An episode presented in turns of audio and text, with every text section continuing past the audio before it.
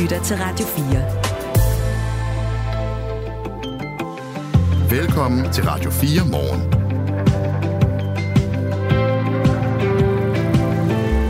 Danskerne oplever i de her år mere sygdom, flere mentale problemer, og oveni så dyrker vi mindre motion. Det viser en ny rapport om danskernes sundhed. Faktisk så går det på langt de fleste områder den forkerte vej med folkesundheden i Danmark. Vi får hjælp til at prøve at forstå, hvor, hvorfor det sker, når vi taler med lederen af undersøgelsen fra Statens Institut for Folkesundhed. Det er cirka kl. 20 minutter over 6. Introducing Apple Vision Pro. The era of spatial computing is here. Sådan her lød det, da Apple lancerede et uh, helt nyt produkt tilbage i sommeren 2023.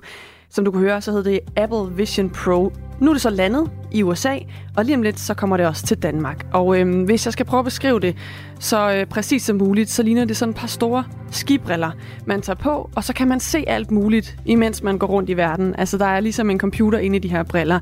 På den måde kan man øh, gå rundt i sit liv, se serier, surfe på nettet, øh, tage dem på, når man støvsuger, og så kan man øh, se, hvor, hvor har man ikke været henne med sin øh, stangstøvsuger. Man kan redigere fotos, mens man går rundt med de her briller, og også i øvrigt øh, sidde i en taxa i Bangkok, kunne det være, og så få live oversættelse på, hvad chaufføren egentlig siger til dig. Altså alt muligt, man kan se, mens man også går rundt i det virkelige liv. Så det digitale liv ligesom dukker op i den virkelige verden. Det er øhm, lidt syret, men også ret meget fremtiden, i hvert fald ifølge øh, Morten Havli Christensen, som er stifter af en virksomhed, der bruger det, som man kalder øh, virtual reality, og som er sådan entusiast inden for det her område. Det her hedder faktisk extended reality, fordi det jo altså er noget, der kommer sådan ind i vores virkelighed. Alle de her begreber, brillerne, alt det der. Vi skal snakke om det her til morgen klokken øh, lidt over halv syv, altså med Morten Havli Christensen. Det er interessant.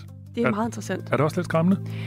Det kan det være, tænker jeg. Der er i hvert fald... Øh, der er jo nogle gange, hvor den slags det udvikler sig, så vi faktisk ender med ikke at se på hinanden. Ja. Se hinanden i øjnene. Ja. Men det kan være, at vi kan tale med ham om det også. Det bliver vi kloge på ja. senere på morgen. Din morgenværter her til morgen, det er Anne Philipsen og Michael Robach, og vores postkasse, den står åben. Har du lyst til at blande dig i det, vi laver? Har du lyst til at foreslå en historie, vi skulle kigge på? Eller synes du, vi mangler at stille et interview i en i en af vores, eller stille et øh, spørgsmål i en af vores interviews, så skriv til os på 1424. Lige præcis. Dejligt, du har tændt for din radio. Klokken er 7 øh, minutter over 6, og nu skal det handle om vejret. Godmorgen. Godmorgen. Du lytter til Radio 4. Der faldt rigtig, rigtig, rigtig meget regn i går, og nogle steder, der var det selvfølgelig værre end andre. I den lille landsby Fole i Haderslev Kommune, der kæmpede man hele dagen igennem med regnen. Carsten Bock bor i Fole og er nu med os her i Radio 4 morgen. Godmorgen. Godmorgen. Hvordan, øh, hvordan ser det ud i Fole lige nu? Øhm, det ligner en normal dag, med, hvor der er kommet en øh, by. Øh, lidt for højt vandstand i bækken, men øh, ellers ingenting. Mm. Den har trukket sig ud af haverne og så videre. Okay, så det er en god nyhed her for morgenstunden? Ja. Mm. Jeg og ved, jeg ved... med den vejrudsigt, der ikke lover mere regn lige i øjeblikket. Ja, man er blevet øh, meget afhængig af at holde øje med de der vejrudsigter lige for tiden der, at øh, jeg tror også, vi er blevet sådan øh, forberedt på at skulle øh, ja, hente sandsækker og så videre. Der er, øh, heldigvis så kommunen stiller sandsækker til rådighed til dem, der vil det, og øh, ja, det er jo med om at, at øh, forberede sig bedst muligt, når man øh, får advarsler om, at det kommer. Mm. Hvordan har oversvømmelserne eller alt det her regn påvirket dig helt konkret? Jamen, øh, i går, da, det var jo en øh, ja, lidt træls dag, for nu at bruge det udtryk. Øh, vi kunne jo se, at vandet det steg og steg, og ja, det kom længere og længere tættere på mine øh, udbygninger der. Jeg har en øh, kombineret garage og stald, og øh, den ligger lidt lavere end øh, selve boligen. Og ude i øh, stallen der, der kom der et par centimeter vand ind over det hele. Så det var det, og det har trukket sig selvfølgelig væk igen allerede. Så men øh, det er da træls at få vand ind i øh, boligen eller i udbygningerne, og det går ud over træværket i et langt løb. Så er du så inde og kigget på det, eller var du i fuld sving hele dagen for at prøve at redde, hvad der reddes kunne? Øh, nej, jeg var ude mange gange og rense øh, øh, afløb ude i vejen og sådan der, fordi øh, vi øh, bor det skråner lidt ned af her, hvor vi bor, og der kommer en del øh, overflade, ukrudt og den slags ting skyllende ned ad vejen. Så noget der, hvis det sætter sig i kloakafløbene der, jamen, så trækker de jo overhovedet ikke. Så jeg var ude med riven mange gange og, og rundt og kigge, og der er så også blevet øh, etableret, eller forhøjet et dige, så vi har fået et øh, opdæmningsmagasin, øh, ikke ret langt herfra, en lille smule øh, op ad bakken, hvis man kan sige det på den måde. Og øh, stod sin prøve Øh, sidste sommer var jeg en del af et arbejdsteam, der var med til at forhøje det omkring 50-60 cm. Det, den, øh, den der og øh, ja, den, det var cirka 10 cm fra toppen af den i går, så havde den ikke været der, så havde det set meget værre ud. Nu er I så øh, forhøjet det her dige, som du siger. Er det sådan, at I i Fole øh, har været vant til masser af vand, eller er det øh, sådan en nyere ting? Det er en nyere ting. Uh, det er blevet så slemt. Det inden for de sidste uh, højst fem år. Uh, for to og et halvt år siden havde vi skybrud herude med 120 mm på to og en halv time. Det kan man så sige, det er så at uh, det kan man nok ikke helt uh, forberede sig på, uden at det kommer til at koste nogle voldsomt store beløb. Men uh, generelt så tror jeg, at vi får mere og mere ned ud af hvor sidste år fik vi også øh, 20-25 procent mere end normalt, og øh, så må man øh, kommunalt se, det er i gang, og de er i gang. Mm. Øh, så må de jo øh, til at sørge for, at vi har nogle gode afløbsforhold, og der kniver det lidt her. Det er jo så også, hvad skal man sige, forskellige interesser der med, at øh, hvornår må man øh, slå græsne i øh, grøfterne, og hvordan og hvorledes, og lystfiskerforeningerne, der gerne vil have smidt gydegrus ud i bækken og så videre. Så der er mange ting, der arbejder lidt mod hinanden, men mm. øh, i bund og grund drejer det sig om, at vandet skal kunne komme væk. Ja. Og øh, der har vi et par flaskehalse. Og jeg ved, at kommunen kigger på diverse løsninger, og jeg sætter min lid til, at kommunen også får fundet en fornuftig løsning mm. på det, der sker. Hvad tænker du om, du ejer et hus i en by, der døjer så meget med at bekæmpe vand? Ja, det er træls. Det går ud over husprisen. Mm. Ja.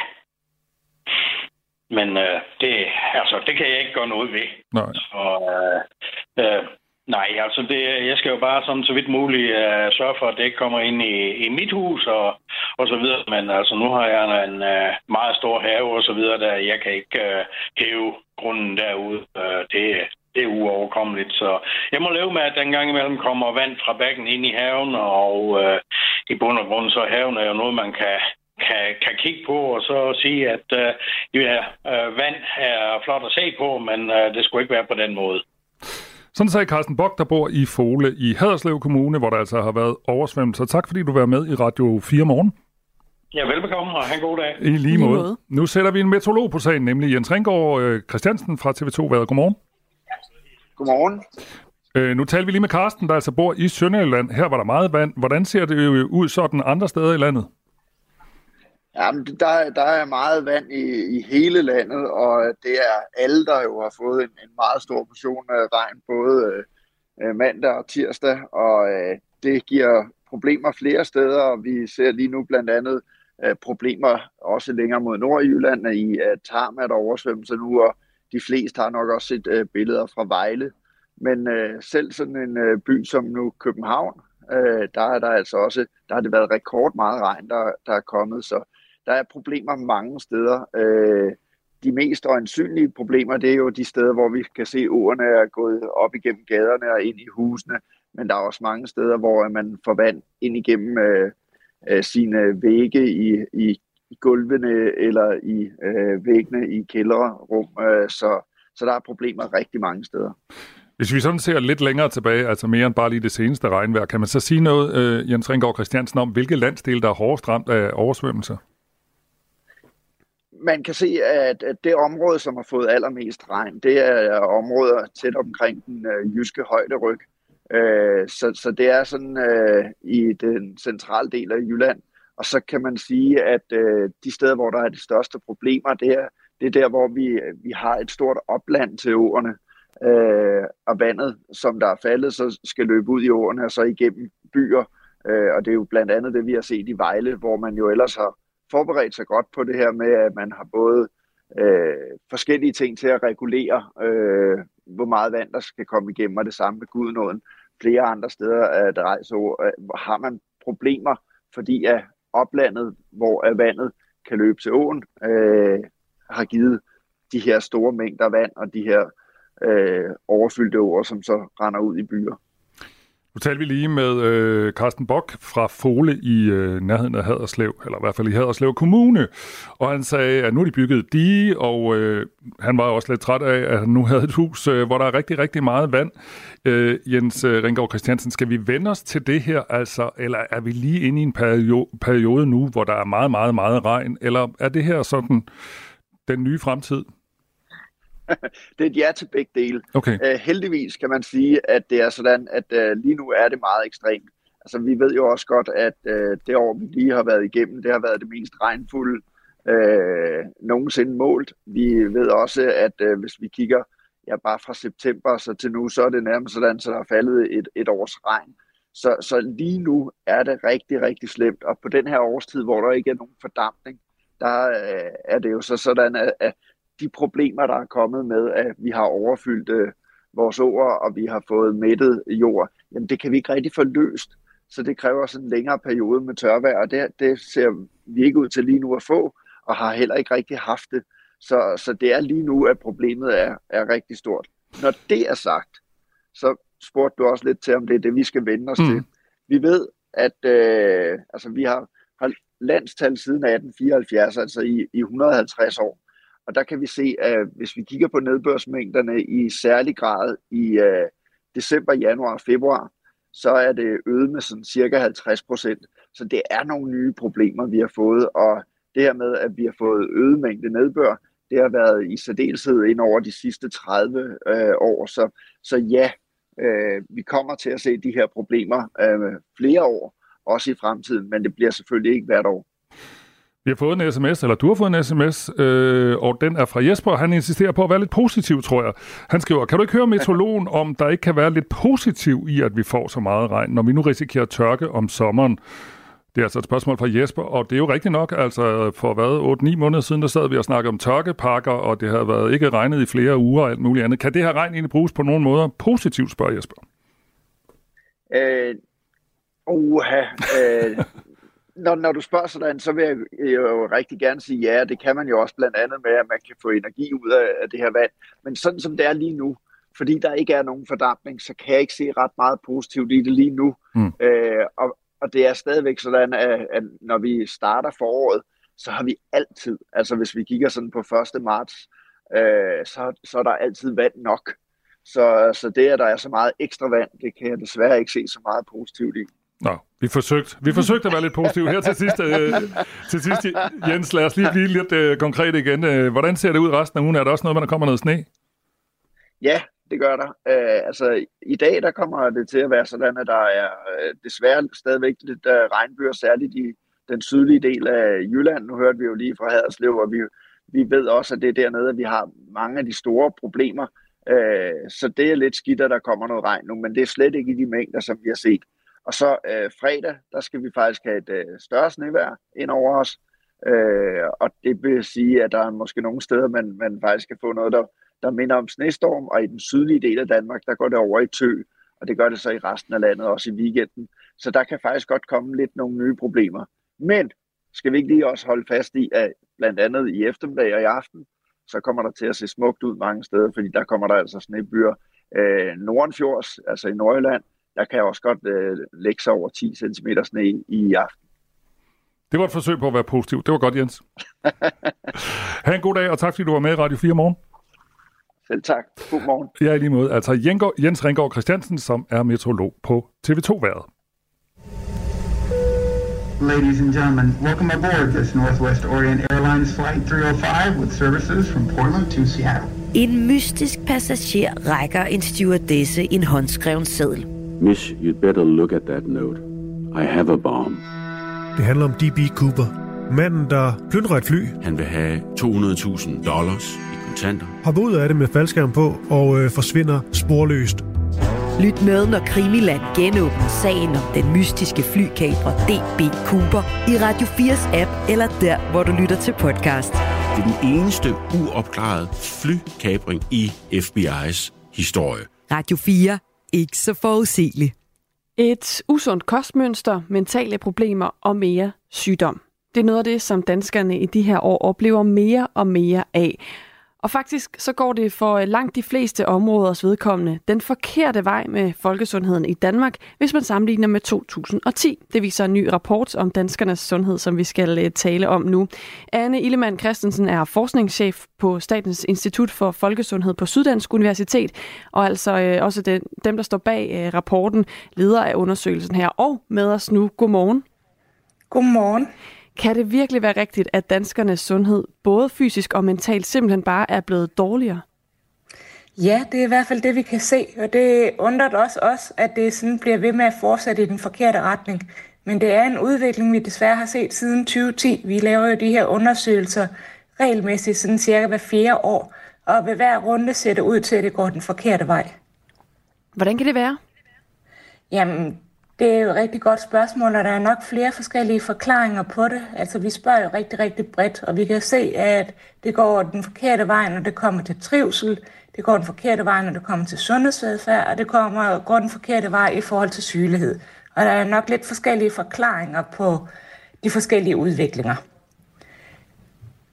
Jeg kan lige sige lidt om øh, rapporten, altså lidt fakta på den. Øh, som du sagde, så er det jo en, der udkommer øh, hver fjerde år. Det har man gjort siden 2010. Og det er en rapport, der kigger på alt fra rygning og alkoholforbrug til jamen, stress og lindesmerter. Og i rapporten, der vurderer øh, omkring 78 procent, at de har et godt helbred.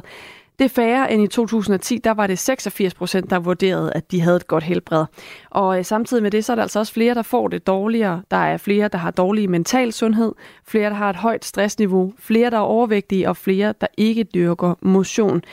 Det hører så også med til historien, at der er områder, hvor det går fremad. Øh, tobaksforbruget falder for eksempel fortsat, så i dag er der 11,7 procent, der ryger dagligt. I 2010 der var det omkring næsten 21 procent.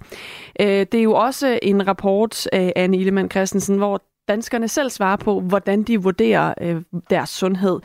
Så er der også noget af det her, der handler om, at vores syn på smerter og, og hvor sunde vi er, øh, har ændret sig? Jamen altså, det er jo ganske rigtig selvrapporteret spørgsmål. Og en, en lille del, jeg tror bestemt ikke, det kan forklare det hele, kan selvfølgelig godt være, at der er kommet noget, en, altså der er kommet et større sprog for nogle af de her. Det er i hvert fald noget af det, vi kan se på øh, i forhold til mistrivsel og psykisk sygdom, at der er sket den her afstigmatisering og større talesættelse af det. Så det er i hvert fald en del af forklaringen der når vi snakker de somatiske sygdomme, så er en del af forklaringen nok også en øget behandlingspres, pres, mm, øget behandling og øh, diagnostik gennem årene. Altså vi er simpelthen blevet bedre til at fange diagnoser. Men samtidig tænker jeg også, at øh, vi jo er blevet endnu mere øh, oplyste jeg ved ikke, hvor meget det har ændret sig siden 2010, men i et eller andet omfang, så ved vi jo meget i dag om, hvad der er sundt. Vi kan hele tiden læse artikler om, øh, nu skal du gøre sådan her for at leve sundere, sådan her skal, skal du spise. Altså, det er jo ikke, fordi vi mangler den her viden, så hvad skal der egentlig til for, at vi sådan kommer til rent faktisk i praksis at leve sundere så? Jamen, jeg tror, der skal rigtig mange forskellige ting til. Altså, jeg tror, det, det er et rigtig komplekst område, og hvis vi havde et, en nem løsning, så havde vi nok ændret det. Altså vi kan jo se for eksempel, at det går den rigtige vej på tobaksområdet, at der ser vi et fald i andelen af ryger tobak. Men vi ser jo så til gengæld også, at der sker en stigning i det her med røgfri nikotinprodukter. Altså de, nye, de her nye produkter, der kommer på markedet. Og det tror jeg, så kommer der jo ligesom en, en modvægt den vej igennem. Så jeg tror desværre bare, at der, der er ikke nogen quick fix løsninger på det her. Hvad kan man så gøre, altså hvis ikke det skal være quick fixes, hvor er det så, man skal sætte ind henne, og hvem er det, der skal sætte ind? Jamen, jeg tror, det er vigtigt, at man sætter ind på rigtig mange forskellige niveauer. Altså både på øh, national, regional og kommunalt niveau. For jeg tror, der skal rigtig mange forskellige indsatser til, for at det ligesom ændrer sig. Så jeg tror både, der er noget strukturelt, altså noget lovgivningsmæssigt, der skal til, og der er tilbud og kurser, der også skal udbydes, så jeg tror, der skal rigtig mange til på forskellige områder. Hvis øh, det her fortsætter, og man bliver ved med at se, altså også når I laver øh, undersøgelsen næste gang, at det går den forkerte vej, altså øh, hvad kan konsekvensen så egentlig være for, for vores samfund og for os som, som danskere? Jamen, det vi kan se, det er jo, at i og med, at vi bliver syre og syre, så kan vi jo se, at det giver en ret stor behandlingsbyrde, både på øh, det sundhedsvæsenet, som lige nu allerede er ret presset, og det vil jo så stige i fremtiden også. Vi ved, at den her stigende mistrivsel blandt unge, at det har ret store konsekvenser for resten af deres liv.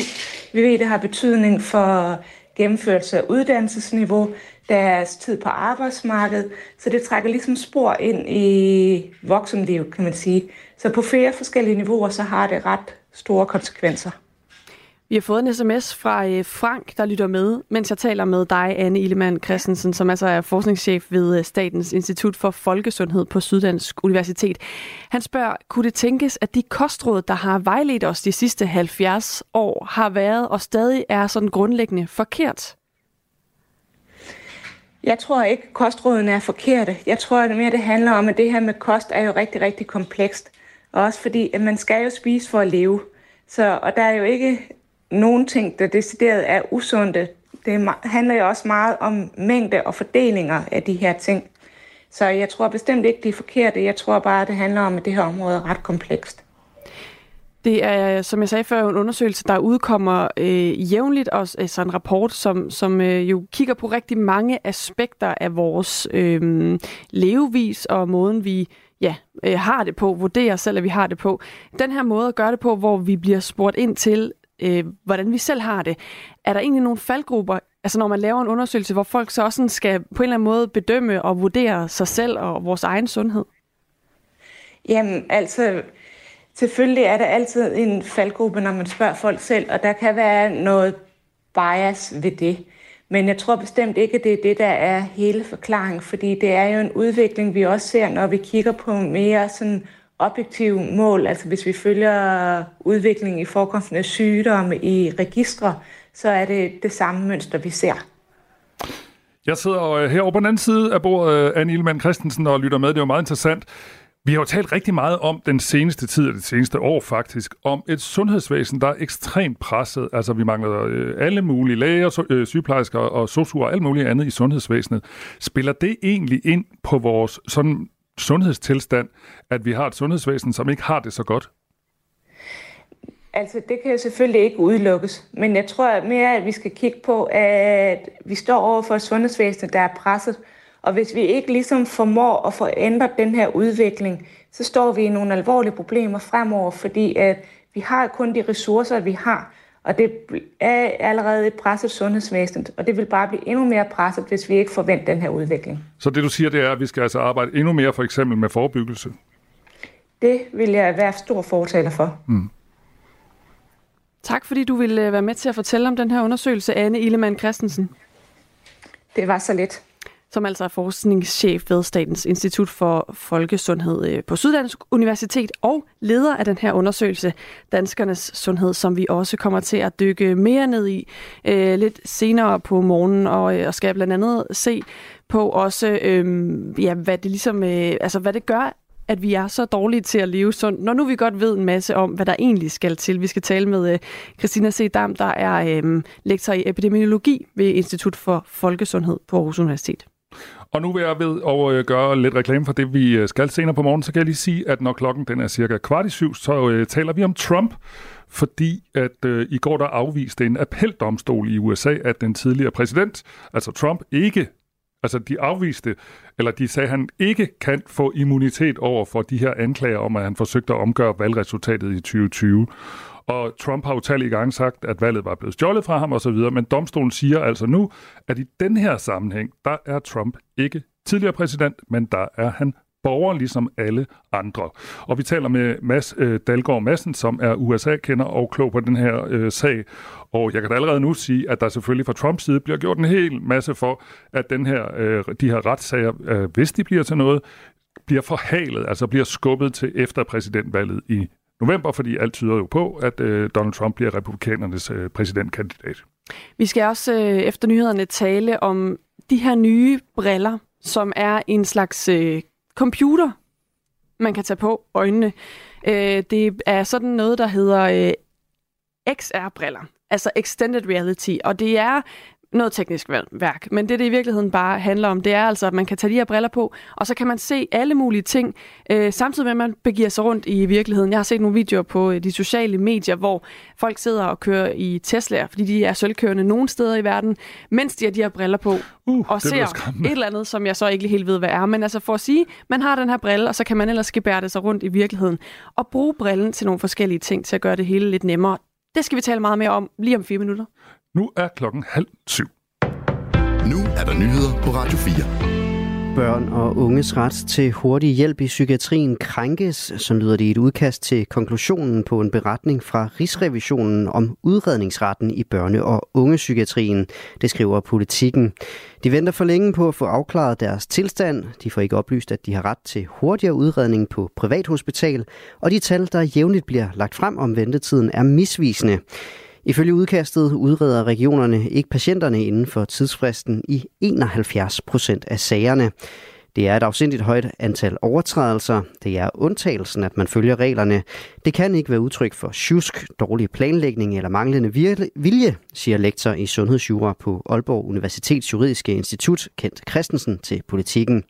Det handler om, at politikerne ikke har givet børne- og ungdomspsykiatriske hospitaler ressourcer nok til at overholde loven. Den endelige version af beretningen fra Rigsrevisionen bliver om to uger vurderet af Folketingets statsrevisorer, som ventes at udtale hård kritik. Repræsentanternes hus har stemt imod at iværksætte en rigsretssag mod Alejandro Mayorkas, der er minister for indenrigssikkerhed. Grænsen til Mexico hører under Mallorcas ministerområde, og det var det emne, der satte processen med en potentiel rigsretssag i gang. Forslaget var et forsøg på at løse præcis de sikkerhedsproblemer, som republikanerne vil have Mallorcas til at sætte en stopper for. Eksempelvis, at der kommer rekordmange illegale immigranter over grænsen. I sidste uge godkendte et udvalg i huset to anklagepunkter til en rigsretssag mod Mallorcas. Det republikanske kongresmedlem Tom McClintock har dog sagt, at efterforskningen af Mallorcas ikke er lykkedes med at identificere en forbrydelse, der foranlediger en rigsretssag. Jennifer Crumbley, der er mor til en skoleskyder, er blevet dømt for manddrab, det skriver nyhedsbyrået Reuters. Hendes søn Ethan Crumbley blev i slutningen af sidste år idømt fængsel på livstid for at have skudt og dræbt fire af sine klassekammerater ved en high school i 2021. Og nu er Jennifer Crumbley altså også blevet dømt for de mord, som hendes søn begik. Anklagen mod Crumbley lød på, at hun også bar en del af ansvaret, fordi hende og hendes mand gav deres søn en pistol og i øvrigt ignorerede voldelige farsignaler. Retssagen mod Jennifer Crumbley menes at være den første, hvor en forælder bliver anklaget for drab som følge af et skoleskyderi begået af deres barn. Henrik Stigsdal er den første dansker nogensinde til at modtage den britiske dronning Elisabeths pris for ingeniører. Han får den for sit arbejde inden for vindmølleteknologi det er jo ikke bare mig, der får prisen. Det er jo en stor, eller anerkendelse. Det er jo en stor anerkendelse til det, vi har lavet som vindmøllesamfund i Danmark, hvor vi har været forgangsland i verden. Den britiske pris blev stiftet i 2011 med henblik på at skabe opmærksomhed på ingeniørarbejdet og hylde fagets visionære. Den bliver tildelt personer, som har lavet innovativt arbejde, der har gavnet menneskeheden på global plan. Med prisen følger en pengesum på 500.000 pund, svarende til lidt over 4,3 millioner kroner. Ifølge den nordamerikanske luftforsvarskommando er fire russiske militærfly observeret uden for Alaska.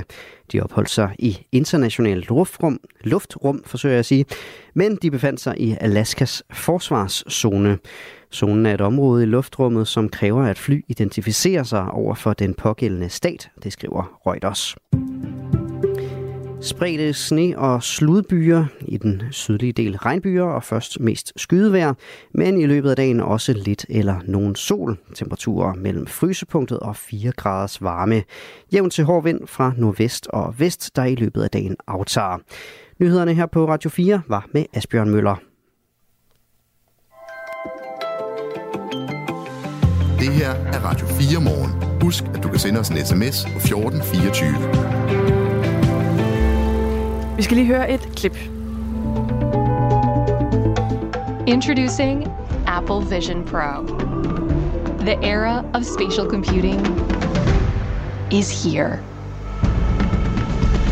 Ja, der er altid svung over det, når Apple lancerer et øh, nyt produkt. Og sådan her lød det altså, da de lancerede et produkt tilbage i sommeren 23. De kalder Apple Vision Pro. Nu er produktet landet i USA, og snart kommer det også til Danmark. Og måske øhm, har du set på sociale medier nogle videoer af mennesker, der kører rundt i biler, for eksempel selvkørende biler, og så sidder med sådan et par store, øhm, det ligner næsten sådan et par store skibriller, og laver nogle fakta ud i den frie luft, eller, øh, eller går rundt ude i trafikken. Det er altså en brille, den her, man kan tage på, øh, hvor man øh, kan se alle mulige ting. Man kan se serier, mens man går rundt. Man kan surfe på nettet. Øh, man kan sågar tage den på, og så kan man øh, bruge den til at se, hvor har jeg ikke været, når man støvsuger. Alt sammen altså øh, en, en brille, hvor man blander det virkelige liv med det, man ser øh, igennem den her øh, teknologiske brille. Det øh, skal vi tale med dig om nu, Morten Havlik Christensen. Godmorgen. Godmorgen stifter af virksomheden øh, Midwife VR, hvor I bruger øh, virtual reality til at vejlede kvinder om øh, amning, og så er du i øvrigt også bare kæmpe virtual reality-entusiast. Jeg tænker, at vi lige starter med at få styr på begreberne, fordi når man taler om det her med, med den her slags øhm, teknologi, så er der både XR, VR, AR og MR. Det her det er det, man kalder XR-briller, som står for Extended Reality. Hvis du skal forklare det sådan helt simpelt, hvad er det så, de her briller de kan? Ja, Øh, ja, der er mange begreber, og det kan godt, at man skal have tungen lige i munden. Altså, det er både en XR-brille, men det er faktisk også en mixed reality-brille. Men det brillen kan, det er, ligesom vi kender fra virtual reality, hvor man kommer helt ind i sin egen virtuelle virkelighed, det kan man med den her brille, men samtidig så kan du gå rundt i den virkelige virkelighed og have øh, digitale objekter, ligesom når folk går øh, ned igennem gaden og måske har et vindue med en øh, Netflix-serie kørende foran sig eller noget andet. Så den kan både mixe øh, digital indhold og virkeligheden, og samtidig så kan den tage dig helt ind i en virtuel verden. Så det er i virkeligheden alle de her forskellige øh, verdener, der flyder sammen i en device. Og det er derfor, når jeg nævner det her eksempel med, at man kan støvsuge med brillerne på, så, øh, så fik jeg forklaret øh, fra min kollega, som, som er også interesseret i de her briller i går, og som også har talt med dig op til det her interview, at så kan man, øh, det ligner, man støvsuger mønter op, har jeg fået fortalt. Er det rigtigt? Altså, så man kan bruge det også øh, til at se noget, som ikke er der, men samtidig med, at man for eksempel ser den stue, man støvsuger i. Ja, jeg tror mange vil, vil kende øh, kende det lidt fra sådan noget som Pokémon Go, ikke? hvor du har mm. den virkelige virkelighed rundt omkring dig, og så er der nogle digitale objekter. Og det kan man jo bruge for eksempel til, hvis man står og, og skal lave mad, ikke? så kan man sætte forskellige timer over øh, en pande eller en gryde. Man kan gå rundt, når man støvsuger, og have mønter hængende, hængende over gulvet der, hvor, øh, hvor man støvsuger osv. Så, så, så der er alle mulige forskellige muligheder for at mixe det digitale og virkeligheden. Og noget af det, vi taler om her, lyder jo sådan sjovt, som en, en lidt en gimmick, men kan man egentlig også bruge de her øh, briller til andet end underholdning? Øh, ja, man kan sagtens bruge dem til andet end underholdning. Når det så er sagt, så tror jeg, at det Apple virkelig prøver med de her briller, det er faktisk at sige, at man kan lave en masse underholdning med det, fordi VR og, og AR og, og MR er jo allerede brugt inden for om hvis du er på et mærskib, så kan du bruge briller til at reparere et, øh, en skibsmotor, og soldater har brugt det til at træne med øh, længe og sådan noget. Så det her, det er jo fremstødet, hvor man prøver at tage noget af det her teknologi, som i virkeligheden har eksisteret siden øh, 90'erne og 0'erne, og så forvandle det ind til, til noget, som normale brugere kan bruge. Ikke? Men en del øh, har måske i en eller anden sammenhæng prøvet sådan en, en klassisk uh, virtual reality-brille. Uh, øh, jeg har i hvert fald prøvet en, hvor så, så lignede det, at jeg kørte i rutsjebane. Um, og så blev det sådan, så kan man næsten mærke suget i maven, selvom at man jo bare sidder hjemme i, i sin uh, sofa. Uh, det er jo sådan en slags, uh, som jeg forstår det i hvert fald, brille, som er meget, uh, ja, som er koblet fra virkeligheden. Altså hvor man ligesom kommer ind i et univers, når man tager den på. Uh, er den største forskel på det, de briller, vi kender, og så den her, som Apple har lanceret nu, at der er så meget af det, der også handler om den virkelighed, virkelighed, vi bevæger os rundt i? Ja, både og, fordi at, øh, der er nok ikke mange, der ved det, men, men alle de nye øh, VR-briller, om det så er Apples eller andre, de har det her med, at når du tager brillen på så kan du se dine omgivelser mm. rundt omkring dig. Øhm, men, men ja, det er rigtigt forstået. Ikke? Og en af problemerne med VR, det er jo, at, at når man tager en brille på, det er ikke en rar oplevelse, ligesom at tage en hæt på hovedet og lukke sig af for virkeligheden. Så det her med at kunne tage en brille på og stadig kunne se omgivelserne rundt omkring sig, og så hvis man har lyst, så op på Apple Vision Pro, så sidder der sådan en lille hjul, du kan dreje på, og så kan man så køre sig selv helt ind i en virtuel verden, hvis man har lyst til det, men man har hele tiden muligheden for ligesom at, at stikke hovedet ud i den virkelige verden. Og hvis der for eksempel kommer en op til dig, mens du sidder, og hvis du skulle køre rutsjebane, øh, og hvis dit barn kommer rundt om hjørnet, eller, eller en eller anden kigger på dig, jamen så stikker hovedet ligesom igennem den virtuelle virkelighed og kommer ind hos dig. Ikke? Så det er en, en sammenblanding mellem virkeligheden og, og det digitale. De kommer til at ramme hylderne i Danmark en gang i løbet af i år. Øhm, du får lov til at prøve dem allerede i næste uge, ved jeg. Hvad, hvad ser du frem til at prøve eller teste ved dem? altså Apple er jo kendt for det her med bare at kunne lave noget super lækker software design. Ikke? Så det, alle de her små øh, detaljer med, hvordan resizer man et vindue, hvordan copy-paster man tekst ind i sådan en verden. Og det er jo selvfølgelig noget for, for, for hvad jeg skulle til at sige, normale mennesker måske øh, det er jo bare en rar oplevelse, men for os, der arbejder med, med VR, AR og XR, der er det super, super vigtigt at, at kunne tage nogle af de her learnings, øh, Apple har, har lavet med at investere ja, bogstaveligt talt milliarder af kroner i at udvikle det her, og kunne overføre det. Og, og så glæder jeg mig også bare til, altså jeg var ude at flyve her i weekenden, øh, og sidder som regel med sådan en XR-brille på, når jeg er ude at flyve og, og sidder i en biograf. Og det har jeg gjort i et års tid, og, og hver gang jeg har gjort det, så har folk kigget på mig, som jeg var sådan lidt ekscentrisk. Men, øh, men her i weekenden, så kunne jeg mærke, hver gang der var nogen, der gik forbi og min sidemænd, og sådan, det prikker og spørger, er det Apple-briller, og hvordan kan man bruge dem og sådan noget. Så jeg kan også bare mærke, at der er en, øh, en hype, der ligesom er gået ud. Apple er i gang med at, at kæmpe stor gåsøjne og, og gøre det her cool der, der er langt til cool, men, men der, der er hen af. det er også fordi, det hører jo med til historien, at det er en ret stor brille. Det er jo nok også det, du har oplevet, når folk har kigget på dig i flyet. Altså, den er svær at, ligesom, øh, at skjule. Øhm, hvis man skal derhen, hvor det bliver sådan noget, som bliver en del af vores øh, dagligdag, skal der så ikke også ske noget på den front? Altså, skal de ikke blive mere elegante, øh, tænker du? Jeg tror, en, en, en vigtig pointe, øh, det er, at, at den her Apple-brille er jo en Apple Vision Pro. Så ideen er, at den er bygget til sådan nogle nørder som mig, som er udviklere, som skal sidde og lave indhold i dem. Øhm, så derfor tror jeg også meget bevidst, de har valgt en formfaktor, som måske i virkeligheden er lidt større, end den behøver at være. Øhm, og lidt tungere, end den også behøver at være. Ideen er jo, nu ser du, at folk kører bilen med dem og går rundt på gaden, det er jo Apple siger jo også meget vigtigt, den her den er lavet faktisk som, som siddende device, ikke? altså mm. det er meningen, du skal sidde med den på. Ikke?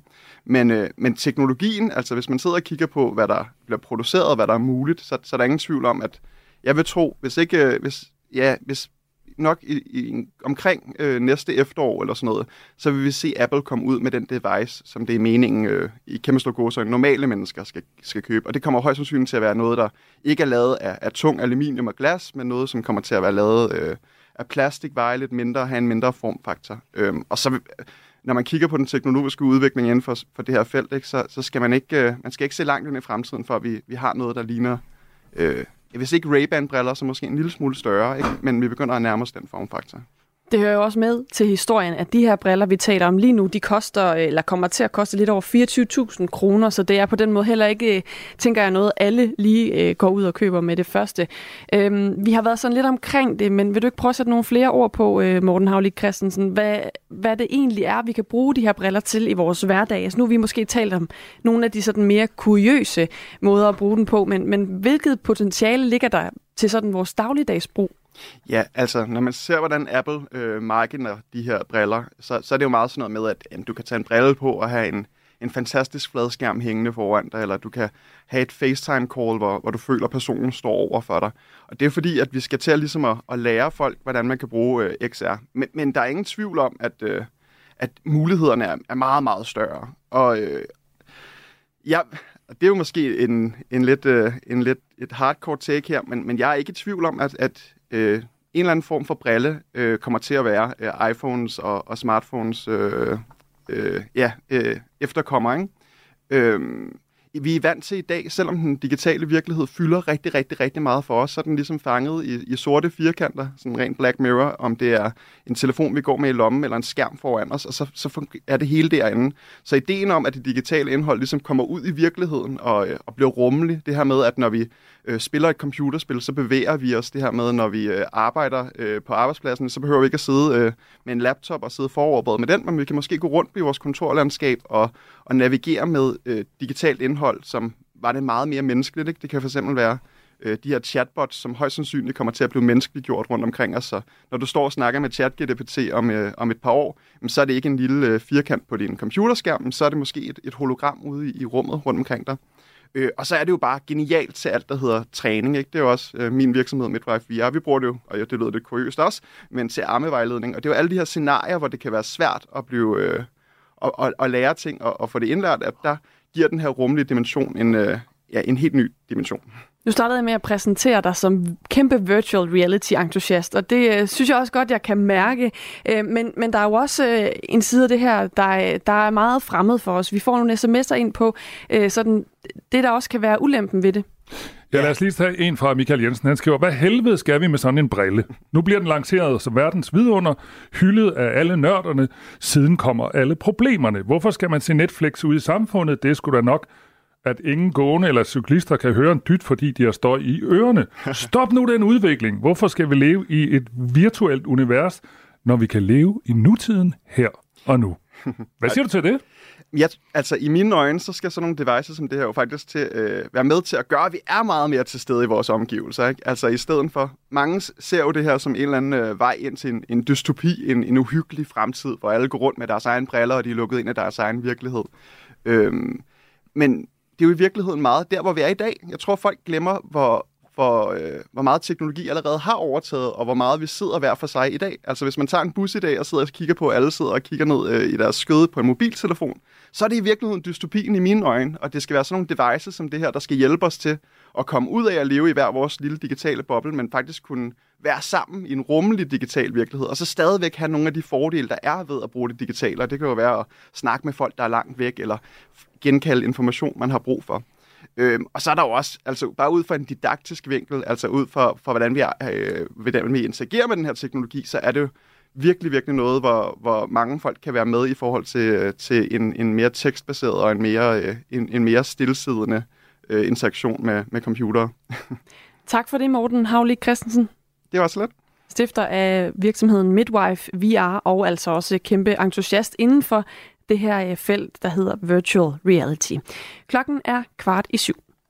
Jeg, jeg har ikke talt på, hvor mange gange jeg har hørt fra folk, ej, I er bare sådan power couple. Skilsmisse, livskrise og en familie, der pludselig skal være to. Og I kan bare det hele. Hver uge inviterer Marie Sloma Kvortrup en kendt dansker ud i sin kolonihave til en samtale om knuste hjerter. Og så knækker jeg fuldstændig sammen. Jeg falder til gulvet. Splittede venskaber. Der knækkede filmen. Der kunne jeg ikke mere. Og hvordan man rejser sig og kommer videre. Og det gik jo også op for mig, at alt det, han har bildt mig ind, det er jo en stor fed løgn. Lyt til Skilsmissen i Radio 4's app, eller der, hvor du lytter til podcast.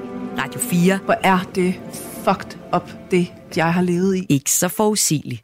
Hvad angår denne kriminalsag, er tidligere præsident Trump blevet til borger Trump. Sådan lød øh, afgørelsen i går fra en amerikansk appeldomstol. Donald Trump forsøgte ellers at påberåbe sig immunitet i sagen, hvor han er anklaget for at forsøge at omgøre resultatet til præsidentvalget tilbage i 2020, men det lykkedes altså ikke. Mads Dahlgaard Madsen er USA-kender og klog på den her slags. Godmorgen. Godmorgen. Er det overraskende, at han ikke har fået øh, politisk øh, immunitet? Nej, det er overhovedet ikke overraskende, at han øh, i går ned, fik det her nederlag hos den her appeldomstol i, i D.C. Sådan, øh, nu er jeg ikke selv advokat, men, men advokater i den amerikanske grundlov har sådan set sagt hele vejen igennem, at det er tydeligt, at han ikke har den her præsidentielle immunitet, fordi jamen, konsekvenserne af, at præsidenter vil have immunitet resten af deres liv, jamen den vil være helt uoverskyggelig. Altså det vil være virkelig, virkelig svært at forestille sig, at det, hvordan det overhovedet skulle kunne lade sig gøre i praksis, fordi så kunne man jo tillade sig alt som præsident. Så, så nej, det er overhovedet ikke overraskende, men det er heller ikke pointen. I det, at Donald Trump han prøvede at rejse den her immunitetsspørgsmål, jamen så lykkedes han med at forsinke de retssager, der er imod ham, især i Washington D.C., så de kommer tættere på valget i øh, november 2024. Og det er det, der er hele pointen her.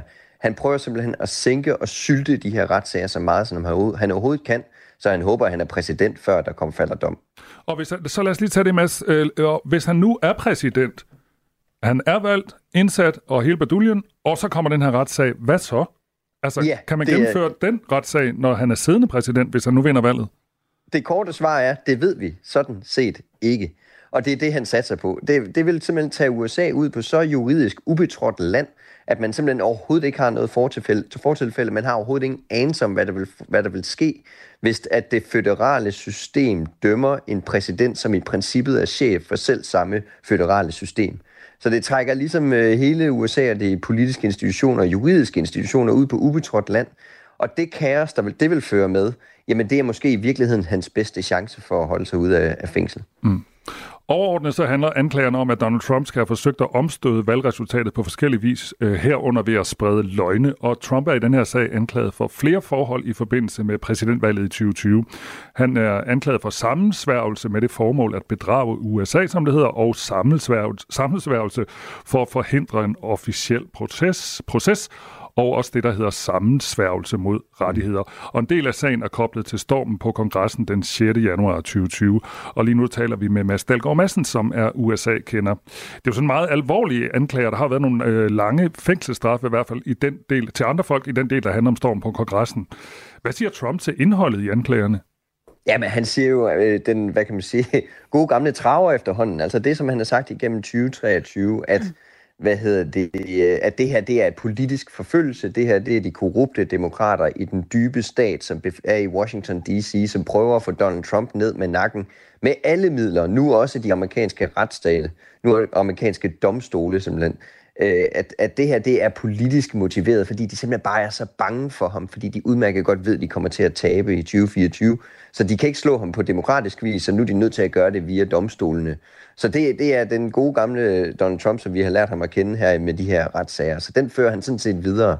Og så bruger han så det her immunitetsargument til at sylte retssagerne, så der rent faktisk ikke når at komme en dom. Men kan han have en pointe? Altså, de amerikanske domstole er jo på anderledes, øh, på anderledes vis end herhjemme politiske. Hallo? Det... Ja, hallo? Hallo, kan du høre os, Mads? Ja, nu er vi tilbage. Nå, yes. det er godt. Ja, det jeg spurgte om, det er, kan, øh, kan, kan Donald Trump egentlig have en pointe? Fordi herhjemme, der er vores øh, domstole jo sådan meget uvildige, men det er de jo ikke i USA. Der er de jo noget politiske. Ja, det er rigtigt. I USA, der har vi øh, politisk udpegede dommere, især på det føderale niveau. Så, så det, er selvfølgelig, det er selvfølgelig rigtigt, og det er fordi, man er så hvad kan man sige, demokratisk orienteret i USA, at ideen om, at man ikke har en form for øh, Øh, demokratisk hånd i hanke med det juridiske system, det, det, den kan man simpelthen ikke leve med. Så det er rigtigt, der er den her politiske element i de amerikanske domstole, men man skal altså ikke blande det sammen med, at det så automatisk er, hvis du er udpeget af en republikansk politiker, jamen du så automatisk stemmer efter den republikanske politiker. Det har vi simpelthen ikke noget belæg for at sige, så der, der er forskel på at være hvad kan man sige, have en politisk observans, er du demokrat eller republikaner, eller have, at have en juridisk øh, øh, filosofi, altså konservativ eller liberal. Så det er to forskellige sådan, øh, skoler at tænke på, så man skal virkelig passe på med at blande politikken og, og juraen sammen øh, i, i USA, også selvom det er så åbenlyst, når de nu er, når det ligger lige for, kan man sige, når de er udpeget af, af, af politikere. Øh, man må så sige, dommer, øh, både konservative dommer og liberale dommer, altså dommer, der er udpeget af enten republikanere eller demokrater, har sagt, at det her immunitetsargument er helt øh, på mig til, og har også sagt, at der er altså fundament for at rejse en sag mod Donald Trump. I hvert fald få det testet, om han havde en rolle i stormløbet på kongressen. Den her afgørelse, der kom i går, den er ikke endelig, og en talsmand for den tidligere præsident, altså Trump, siger ifølge nyhedsbyrået AFP, at Trump vil anke den her afgørelse. Hvis, ikke der gives, hvis der ikke gives immunitet til en præsident, vil alle fremtidige præsidenter omgående blive anklaget af oppositionspartiet, når de forlader embedet, siger den her talsmand. Altså det her med argument, som så er, mm. at så kan alle præsidenter i fremtiden anklage deres politiske modstandere. Hvordan forholder amerikanerne sig til det?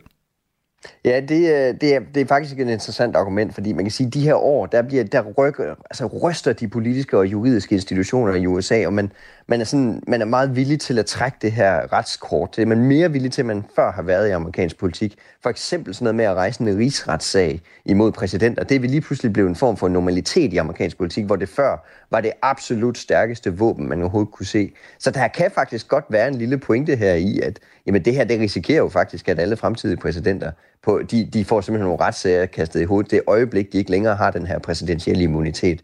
Og det er derfor, det, det skal testes, det her spørgsmål, og nu skal det så også, ender det nok med at skulle blive testet i den amerikanske højesteret. Mm. Så, så, så der, er, der er faktisk en lille pointe her i noget, noget risiko, men man kan sige, det omvendte. Ideen om, at en, præsident, en præsident har immunitet resten af livet, er nok mere kontroversiel end, det, end, øh, end, end at hvis de bare blev civile efter, at de har været præsident. For os, der ikke er eksperter i amerikansk politik, så synes jeg i hvert fald, at der hele tiden er nogle retssager. Og så nu er der så den her, mm. den er så måske den mest alvorlige, det ved jeg ikke. Men hvordan øh, hvordan forholder Trumps vælgere sig til det her? Er der ikke nogen, der tænker, om en mand, der hele tiden har retssager, vi må, vi må hellere stemme på nogle andre? Det er det, som vi skal holde øje med over de næste måneder. Fordi de indikationer, vi har nu, hvor vi har, vi har sådan set fuldt de amerikanske primærvalg, altså her, hvor, hvor partierne skal vælge deres øh, præsidentkandidat, der har de her retssager, jamen de har kun gjort én ting, og de har spillet til Donald Trumps fordel. Det, man har simpelthen slået ring om Donald Trump. Man har sådan set stemt mere på ham i det republikanske parti på grund af de her retssager, fordi man køber fuldstændig ind på ideen om, at det er Donald Trump, der er under angreb for Joe Biden og demokraterne. Men nu skal Donald Trump jo til at appellere til et bredere vælgerhav, til de uafhængige vælgere, midtervælgerne, de moderate vælgere. Og der har vi ikke så meget data på endnu, hvordan de her retssager de spiller. Øh, så, så det er et virkelig spørgsmål her herover de næste måneder, som vi skal holde øje med. Det er, hvordan øh, at de her retssager de er en politisk faktor hos de moderate vælgere, som i virkeligheden kommer til at afgøre valget. Det bliver rigtig spændende at følge. Nu har du sagt det nogle gange, og flere af dine kolleger siger det samme. Jeg, prøv lige at hjælpe os, Mads Dalgaard Madsen. Hvor, hvorfor er det, at de her sager ligefrem styrker hans kandidatur? Det er simpelthen viser, at han kan bruge dem som sådan et politisk argument til at genopbygge den oprindelige myte omkring Donald Trump. At han er manden, der kommer udenfra, ude fra systemet og skal smadre det der system i Washington D.C. Han skal smadre eliten ved kysterne, som ikke har den almindelige amerikaners øje, hvad kan man sige, bedste for, for øje. Så han har ligesom genopbygget det oprindelige Donald Trump-historie med de her retssager. Han bruger dem som datapunkt, som bevismateriale på, at der er det her system, som der vil bare have den almindelige mand ned, øh, ned med nakken. Han siger det sådan set selv til valgmøderne hele tiden. Han siger, de her retssager, jamen det er sådan set ikke retssager, der bliver fuldt øh, efter mig. Det her det er retssager, der prøver at angribe dig, og der henvender, henvender, henvender han sig til hans øh, gennemsnitlige vælgere. Jeg står bare i vejen, siger han. Det er det motto, han siger til They're not coming after me, they're coming after you. I'm just standing in their way. Og der bruger han de her retssager som bevismateriale på, at det er netop sådan, det forholder sig. Tak skal du have, Mads Dahlgaard Madsen. En fornøjelse at dig med. Ja, en fornøjelse at være med. Godmorgen. Godmorgen. Du lytter til Radio 4. Tage Damgaard Jensen er en mand, der har en øh, rev, han kalder Bamseline. Den bor hos ham på fjerde år, men han får ikke lov til at beholde reven. I hvert fald ikke, hvis det står til Fødevarestyrelsen. Det her er Signe Witt Nielsen, hun er chef hos Veterinær Syd, der hører under styrelsen. Det er en vild rød rev, han har, og dem må man ikke holde i fangeskab. De har en masse nedarvede egenskaber, som de har behov for, og, og nogle behov, de har brug for at få stillet. Og det er jo behov, som alle dyr har. Øh, socialisering, yngel, yngelpleje, øh, omgå, øh, omgås artsfælder og ikke mindst også plads og bevægelighed. Og, øh, og når vi har været på besøg ude ved Tage, og det har vi jo, øh, så har vi lavet en konkret vurdering af både den pågældende rev, men også de forhold, den blev holdt under, og kan se, at de ikke kan leve op til de krav, der er for et vildt dyr. Historien om Tage og reven Bamseline starter i Sønderjylland. Under en jagt, der finder 60-årige Tage Damgaard Jensen et kul af ræveunger, som han tager til sig, fordi rævemor er blevet kørt ned. Og øh, hundreven Bamseline bliver hurtigt venner med sin nye ejermand, og her, fire år efter, der bor de altså stadig sammen. Men Fødevarestyrelsen kræver reven aflivet, fordi hun altså ikke hører til i fangenskab, som vi hører her.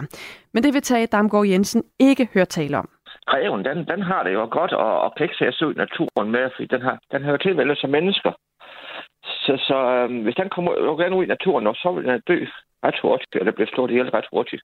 Ifølge dyrevelfærdsloven, så er det altså forbudt at holde ræve med undtagelse af domesticerede ræve. Ifølge Fødevarestyrelsen så kan vilde dyr i fangenskab i nogle tilfælde ende med at udvikle stress som følge af, at de ikke er i deres naturlige habitat. Men alligevel så vil Tage Damgaard Jensen altså ikke lade nogen tage Bamseline fra ham. Jeg ved godt, hvad der sker, når jeg ser udlevere den, så, så, så, så slår de den ihjel. Og det har de også givet udtryk for. Og øh, hun har det rigtig godt liv nu her ved mig, og hun nyder det, og vi leger sammen. Så, så det, jeg kan ikke se nogen grund til, at jeg skal udlevere den. Så hvad er det, du gør nu? Jamen, nu gør jeg det, at jeg har... Nu er reven, den er nu kommet, blevet gemt væk i, på en hemmelig adresse et sted. Og øh, så længe den her sag, den kører. Og øh, nu kommer de så og holder kontrol her inden for kort tid fra, ja, fra i dag, eller om 10 dage eller om morgen. Det ved jeg ikke, hvornår de kommer. Og så, øh, så, så nægter jeg dem simpelthen adgang til huset, fordi øh, selvom revet ikke er der, så, så skal det ikke ind og undersøge noget som helst. Ja, det sagde Tage Damgaard Jensen, altså, da vi talte med ham i går. Det var derfor, man også skulle høre mig stille et spørgsmål. Men selvom Bamseline har boet hos Tage i fire år, så vurderer Fødevarestyrelsen altså stadig, at reven er vild, fortæller Signe Witt Nielsen. Det gør vi på, på baggrund af det konkrete besøg, vi foretager nede hos Tage. Så det er en konkret vurdering, vi laver, når vi er derude. Øh, der findes øh, enkelte øh, revarter, det er sølvreven, der har været afledet med henblik på husdyrhold, og den har været afledet, afledet i generationer. Øh, ræve er svære at holde, de er normalt øh, meget øh, frihedssøgende og, øh, og meget sky for mennesker. Øhm, og det er også derfor, at Folketinget træffede beslutning om allerede i 2009 at indføre et forbud i Danmark om at øh, moderholde ræve i fangeskab. Så, så det er ikke tilladt for, øh, for private at have vilde dyr i fangeskab. Det man kan gøre, hvis man nu møder en hjælpeløs rev på sin vej, mm. det er at tage den med til en vildplejestation, hvor der er uddannede professionelle mennesker, der sørger for at, at pleje de her dyr med henblik på genudsætning i naturen. Alternativt så kan man jo øh, gøre, og det har vi også, øh, vi har ikke øh, bedt tage om at aflive øh, øh, reven, vi har stillet det som en udvej, altså som en løsning, men alternativt kan den jo øh, flyttes til dyrehaver eller dyreparker, som er godkendt til at have ræve. En rev i naturen bliver 3-4 år gammel, men i fangenskab der kan det blive 13-14 år. Men Tage Damgaard Jensen har altså tænkt sig at blive ved med at skjule den her rev, indtil Fødevarestyrelsen giver sig. Din værter her til morgen er Anne Philipsen og Michael Robach. I nyhedsstudiet der har vi Asbjørn Møller. Du har lyttet til en podcast fra Radio 4. Find flere episoder i vores app, eller der, hvor du lytter til podcast.